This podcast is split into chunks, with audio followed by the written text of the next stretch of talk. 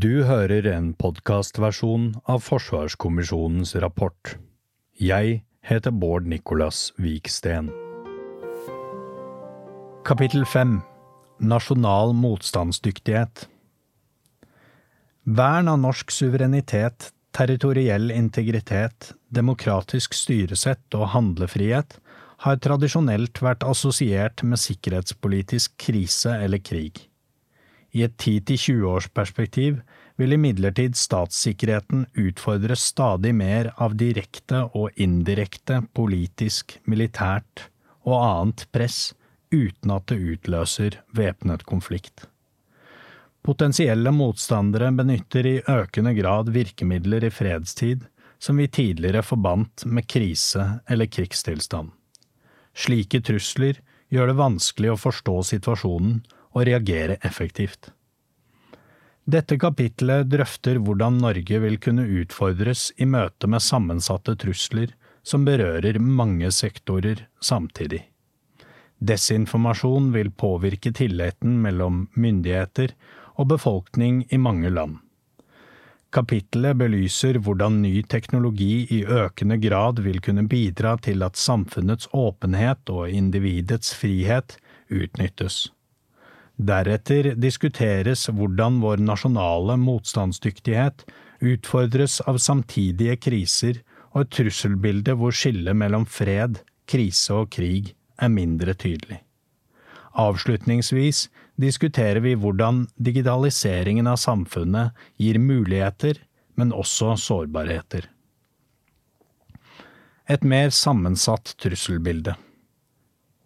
I et 10–20 års perspektiv vil sammensatt virkemiddelbruk, som også gjerne omtales som hybride eller sammensatte trusler, bli en mer fremtredende utfordring mot våre nasjonale sikkerhetsinteresser. Særlig har Russland og Kina de siste tiårene utviklet konkurransestrategier for å utfordre Vestens dominans og for å ramme vestlige svakheter i fred, krise og konflikt. Fordi makten er sentralisert, er autoritære stater ofte effektive til å bruke alle former for statlige virkemidler mot et felles mål. Norge er utsatt og sårbart for sammensatte trusler. Sektorprinsippet står sterkt i norsk sentralforvaltning, og denne typen trusler utfordrer evnen til å etablere, vedlikeholde og analysere et tverrsektorielt situasjonsbilde. Sammensatte trusler utformes nettopp for å skape usikkerhet og uklarhet.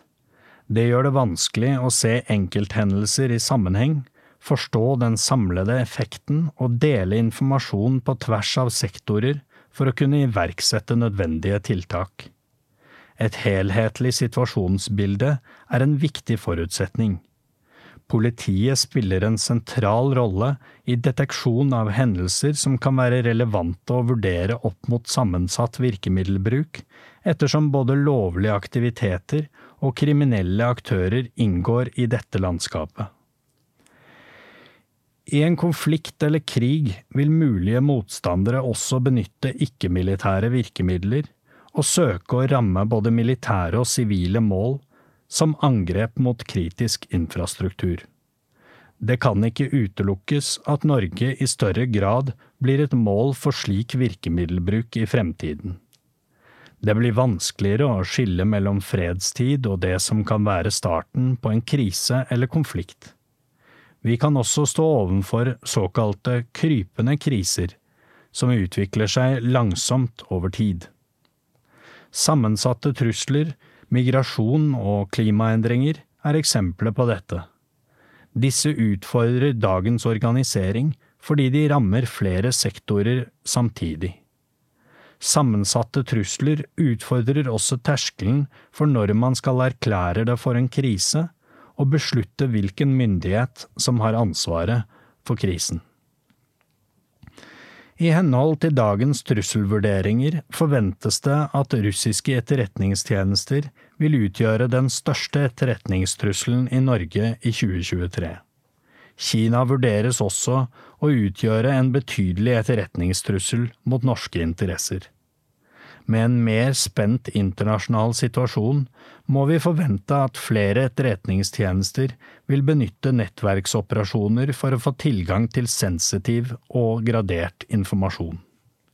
Flere av tjenestene har også som oppgave å påvirke politiske beslutninger og norsk meningsdannelse gjennom blant annet tradisjonelle medier, alternative medier og sosiale medier, hvor de kan spre desinformasjon og svertekampanjer. Det er krevende å skille sammensatte trusler fra staters alminnelige og brede virkemiddelbruk.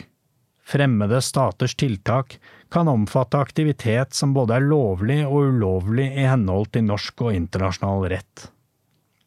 Virkemidlene kan berøre alle politikkområder og hele samfunnet. Desinformasjon, undergravende aktiviteter, også kalt subversjon, militær signalering, oppkjøp av strategiske ressurser, kontroll over energiressurser og nettverksoperasjoner er virkemidler som vil kunne benyttes for å ramme nasjonal sikkerhet. Det samme gjelder statlig styrt kriminalitet, herunder cyberangrep og statlig styrt migrasjon. Samfunnets beredskap og motstandskraft settes under press.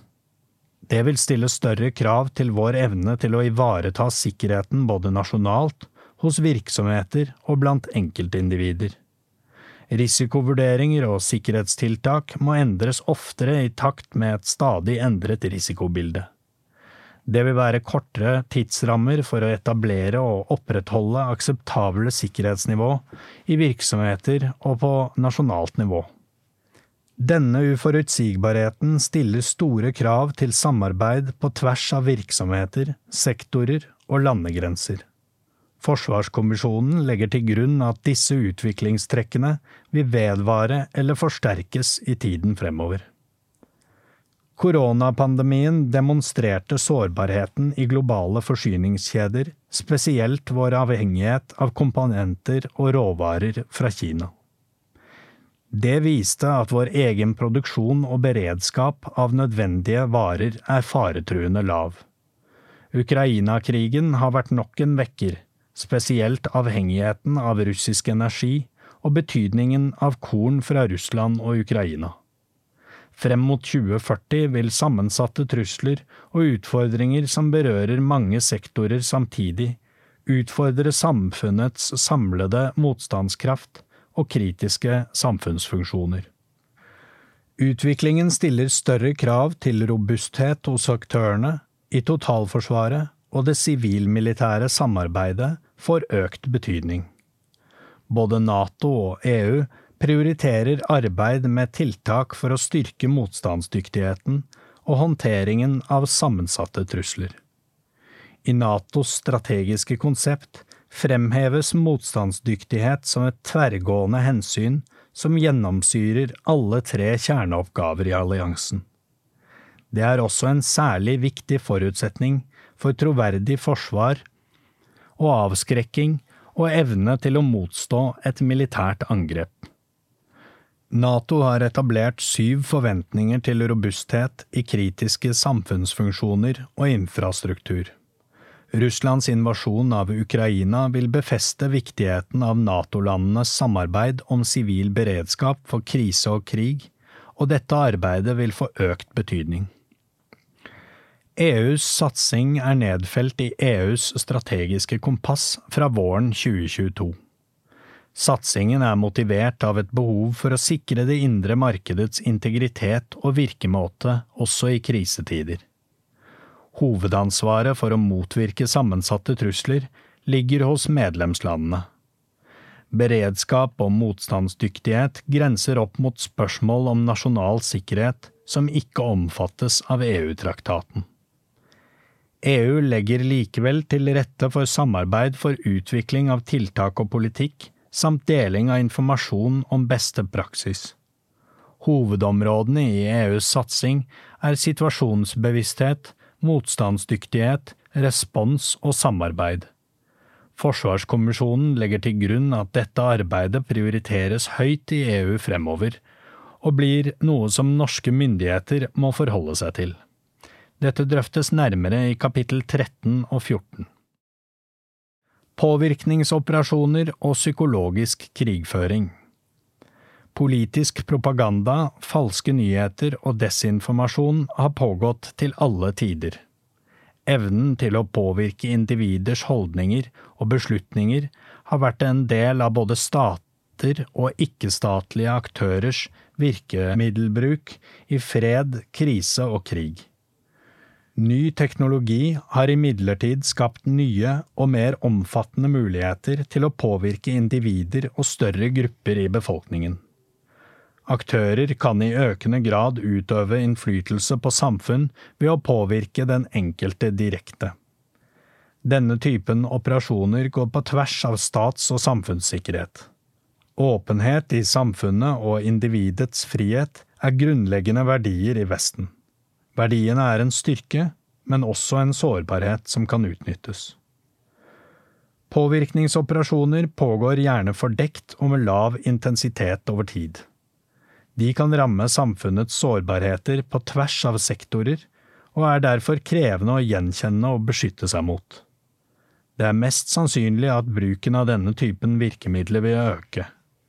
Stater eller ikke-statlige aktører vil i økende grad søke å påvirke andre stater eller beslutningstakere. Desinformasjonskampanjer vil spille opp motsetninger og utfordre den relativt høye tilliten som fortsatt finnes i mange vestlige land mellom myndigheter og befolkning. Desinformasjon kan svekke nordmenns evne og vilje til å forsvare Norge og medføre økte krav til bevissthet og forsvars- og beredskapskunnskap i befolkningen. Internett og det globale markedet har effekt på nasjonalt samhold. Sosiale medier har bidratt til å kartlegge enkeltpersoners preferanser, og reklame er blitt individuelt tilpasset. Algoritmene formidler anbefalinger som kan utnytte menneskets svakheter. Dette har vist seg å være polariserende og potensielt ødeleggende for samfunn. Eksempel blir innhold skreddersydd for å utnytte vår korte oppmerksomhet ved å vise det som passer med personlige oppfatninger. Holdninger som normalt har lav oppslutning i samfunnet, får uforholdsmessig stor plass. Dette kan skape grobunn for dårlig selvbilde, legge til rette for mobbing og trakassering, og ikke minst intoleranse for andres syn. Autoritære stater forsøker i større grad å undergrave opinionen i andre land. Russland og Kina står bak en rekke handlinger som utnytter det frie vestlige markedet og tidligere nevnte algoritmer som forsterker ytterliggående synspunkter i samfunnet. Hensikten er ikke å fremme et totalitært perspektiv, men å skape uenighet og intern uro i vestlige land og gjøre dem mindre handlekraftige. Det er også et mål å blottlegge svakheter ved vestlig levesett og undergrave det internasjonale systemet. Nasjonale sannheter og felles situasjonsforståelse kan bli vanskeligere å oppnå i fremtiden. Mistillit gir grobunn for konspirasjonsteorier. Potensialet til å utnytte teknologi som kan forfalske eller generere virkelighetsnær informasjon, er betydelig. Utviklingen innen kunstig intelligens vil gjøre forfalskninger enda enklere. Den digitale globaliseringen gjør at nyhetskilder sentraliseres stadig mer. En økende andel av samfunnet henter informasjon fra færre kilder, som i mindre grad er norske eller under norsk kontroll. Dette omfatter også sosiale medier, kommentarfelt og videodelingstjenester. Etablering og korrigering av offentlig situasjonsforståelse vil bli vanskeligere og et vedvarende problem for myndighetene i åpne, demokratiske samfunn. Ikke-statlige aktører utnytter også denne sårbarheten. Globale opprørsbevegelser skreddersyr sine budskap for digitale plattformer, som forsterkes gjennom ekkokamre av likesinnede. Rekrutteringen starter i økende grad gjennom internett. Dette vil gjøre det enda vanskeligere å oppdage individer som vil samfunnet vondt.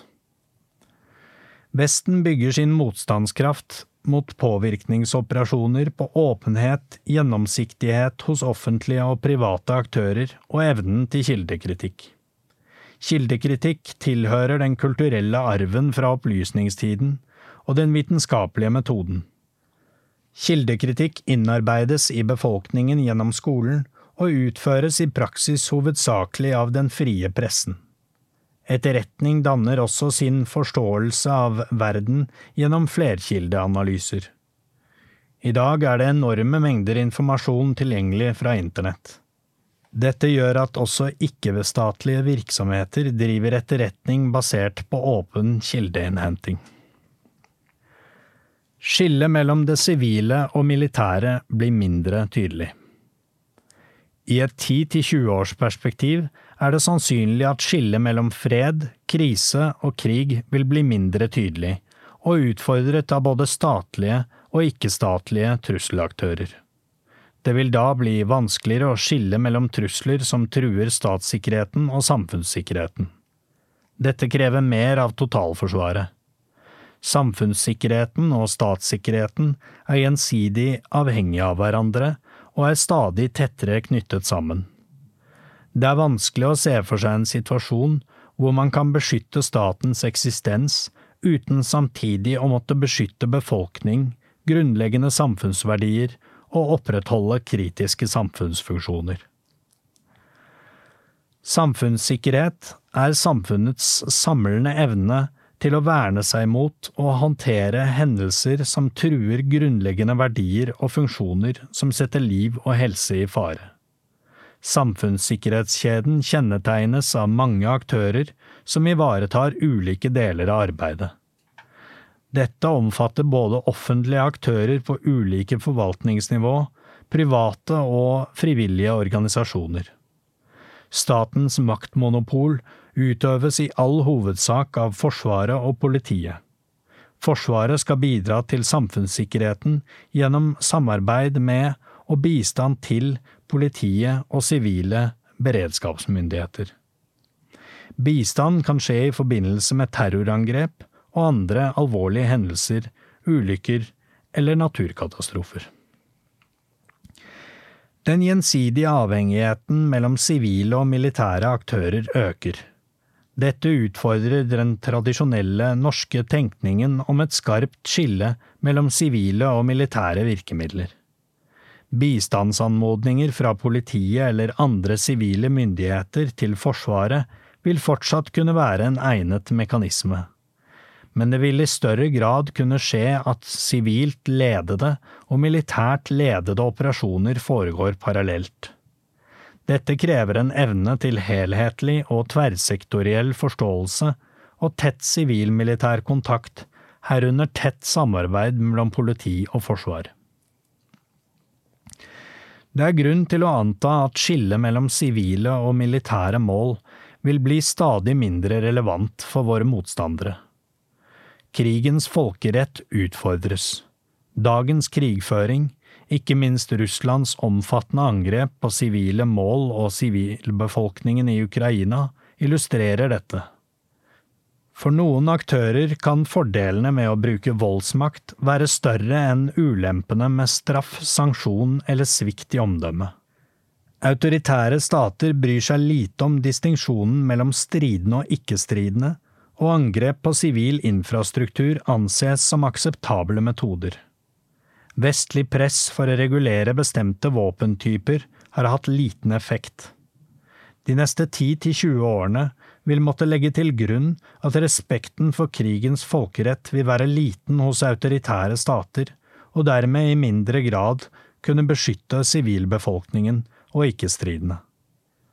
Sammen med våre allierte må norske myndigheter møte denne utviklingen samtidig som vi søker å beskytte sentrale folkerettslige og humanitærrettslige prinsipper. Innen vår nasjonale beredskapstenkning vil vi kunne se et tiltagende samtidighetsproblem. Dette oppstår når beredskapen må øke samtidig som samfunnet må holdes i gang. Denne utfordringen må anerkjennes og avklares. Dagens arbeidsmarked med mange spesialiserte stillinger gjør samfunnet sårbart dersom viktig personell blir tatt ut for å forsterke Forsvaret i krise og krig. Stadig flere stillinger defineres som samfunnskritiske, noe som reduserer antall personer som kan mobiliseres til eksempelvis Heimevernet i en tidlig fase av en krise. Seleksjon til verneplikt av de beste fra hvert årskull er med på å forsterke dette. Disse trekkene vil forsterkes av den demografiske utviklingen i Norge de neste 20 årene. Dette omtales i kapittel 6. Forsvaret vil bli enda mer avhengig av sivile aktører i fremtiden. Knapphet på kompetanse og arbeidskraft vil gjøre det enda viktigere å ha oversikt over hvor mange mennesker som har samfunnskritiske roller. I sum utgjør dette trender som må anerkjennes av norske myndigheter. I fremtiden må dette følges opp gjennom tilpasning av beredskapsordninger og strukturer i tråd med utviklingen. Digitaliseringen av samfunnet gjør oss sårbare. De neste to tiårene vil digitaliseringen av samfunnet fortsette. Den teknologiske utviklingen er en viktig driver i samfunnsutviklingen og bidrar til velferd, trygghet og verdiskapning. Digitaliseringen av samfunnet bringer også nye former for sårbarheter og avhengigheter. Den økende bruken av skytjenester har gjort at internett er blitt mer sentralisert og avhengig av store datasentre som nettrafikken må gjennom. Kritiske samfunnsfunksjoner er blitt avhengige av lange og uoversiktlige digitale verdikjeder som gjerne spenner over mange sektorer og flere land. Som følge av digitaliseringen blir skillet mellom innenriks- og utenrikspolitikk mindre tydelig og mindre relevant. Digital suverenitet blir stadig mer krevende siden stater er koblet sammen og gjensidig avhengige. I tillegg er private aktører blitt viktige leverandører av digital infrastruktur over hele verden. Cyberoperasjoner blir vanligere, og antallet avanserte og vedvarende cyberangrep forblir høyt. Det vil være vanskelig å identifisere og plassere ansvar for slike angrep, og mange aktører vil kunne skjule sine operasjoner eller skape tvil om hvem som står bak. Utenfor tradisjonell mellomstatlig konflikt har det etablert seg en normalsituasjon der stater og ikke-statlige aktører utnytter svakhetene i digitaliserte samfunn til egen fordel. Digitaliseringen muliggjør nye måter å spionere og presse hverandre på. Det er et skjerpet digitalt risikobilde.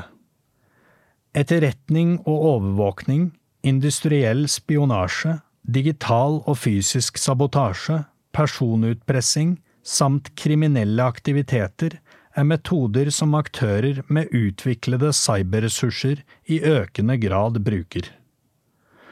Både cyberkriminalitet og cyberspionasje er en stor utfordring for virksomheter og offentlige myndigheter. De kan ramme både statssikkerheten, samfunnssikkerheten og individers sikkerhet. Cyberangrep kan anvendes i stedet for tradisjonell militærmakt for å påføre digitale og fysiske ødeleggelser. Et kjent eksempel er det massive cyberangrepet mot Estland i 2007, som bidro til å destabilisere store deler av statlig infrastruktur og økonomi. Andre eksempler er det digitale angrepet på de iranske atomreaktorene i 2010, angrepet på den ukrainske elektrisitetsforsyningen i 2015 og det mye omtalte dataangrepet Solar Winds i 2020. Sistnevnte rammet 18 000 datasystemer verden over, inkludert viktige amerikanske direktorater. Offensive cyberoperasjoner omtales nærmere i kapittel 10. Siden viktige datasystemer overvåkes kontinuerlig, vil cyberangrep vanskelig kunne oppnå en kombinasjon av varighet og skadeomfang som gjør dem avgjørende i seg selv. Cyberoperasjoner vil imidlertid bli brukt som ett av flere virkemidler i fred, krise og krig for å redusere motstanderens evne og vilje til å gjøre motstand i den fysiske verden. Virkemidlet kan også benyttes av aktører som vil legge press på en potensiell motstander. Dette kan være et alternativ eller forløp til rene angrep, dersom press i det digitale domenet ikke fører frem. God digital sikkerhet er en forutsetning for å opprettholde tilliten til offentlig sektors IKT-systemer og digitale tjenester. En stor andel av allierte lands kritiske digitale infrastruktur eies og driftes av private virksomheter, ofte utenfor egne landegrenser og dermed suverenitet. Dette betyr at viktige beslutninger om utvikling og sikkerhet i det digitale rom i stor grad blir fattet av kommersielle og ikke-statlige aktører utenfor de tradisjonelle mellomstatlige arenaene. Behovet for å redusere kostnader og øke tilgangen til kompetanse gjør at flere IKT-funksjoner settes ut til tredjeparter. Systemarkitektur har gått fra å være totalpakker utviklet og drevet på samme sted, til å være distribuert ofte av hensyn til tilgjengelighet eller enkelhet. I fremtiden vil imidlertid tilgjengelighet ikke lenger være det samme som motstandsdyktighet. Kommisjonens vurdering Trussel- og risikobildet mot Norge og norske interesser blir stadig mer sammensatt. Truslene kommer fra både statlige og ikke-statlige aktører. Kriser vil i fremtiden trolig bli mer kumulative, det vil si at det vil kunne komme flere kriser samtidig, og som forsterker hverandre. Norge og våre allierte står overfor en rekke utfordringer i møte med denne utviklingen. En av disse er om det vil være mulig å påvirke en motstanders evne og vilje til å benytte sammensatte virkemidler for å oppnå sine politiske målsetninger. En annen problemstilling knytter seg til samfunnets totale motstandsdyktighet til å bidra til å forebygge og isolere effektene fra denne typen påvirkning. Forsvarskommisjonen mener at det uansett vil bli behov for å styrke forståelsen av sammensatte trusler som grunnlag for utvikling av politikk og forebyggende tiltak. Det vil ikke først og fremst være militære virkemidler som bygger motstandskraft. Det er samfunnets totale motstandskraft som vil være avgjørende. For et høydigitalisert land som Norge, med stort territorium og en liten befolkning, vil sammensatte trusler, digitale trusler og ulike former for uønsket påvirkning alltid være krevende å håndtere. Evnen til å dra nytte av sivilmilitært samarbeid og høy tillit mellom befolkning og myndigheter er etter kommisjonens oppfatning nøkkelen til nødvendig motstandsdyktighet. Trusler mot nasjonal sikkerhet vil i økende grad også ramme Norge i fred og i det lavere krisespekteret. Det vil fortsette å utfordre sektorprinsippet, arbeidsdelingen mellom politi og forsvar, EOS-tjenestene og det nasjonale beredskapsplanverket. Totalforsvaret vil måtte være aktivert mer eller mindre hele tiden, noe som krever en revitalisering og strategisk utvikling av totalforsvarskonseptet. Beredskapsordninger og strukturer må tilpasses i tråd med utviklingen. Denne tematikken behandles i kapittel 13. Dette er en podkastversjon av Forsvarskommisjonens rapport. Mindre avvik fra den endelige rapporten kan forekomme, og vi presenterer ikke grafikk, tabeller eller fotnoter. Hvis du vil ha den fulle opplevelsen, anbefaler vi deg å lese rapporten på regjeringens nettsider regjeringen.no. Da vil du også få med deg en rekke viktige grafer, figurer og illustrasjoner Forsvarskommisjonen har lagt mye arbeid i.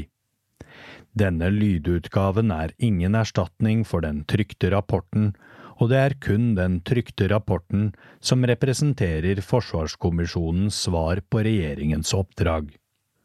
Denne podkasten er laget av Knut Storberget, Bård Nicolas Vik Steen, Kristine Hellesland, Fredrik Tamberg, Jørgen Lyngvær og Thomas Haraldsen.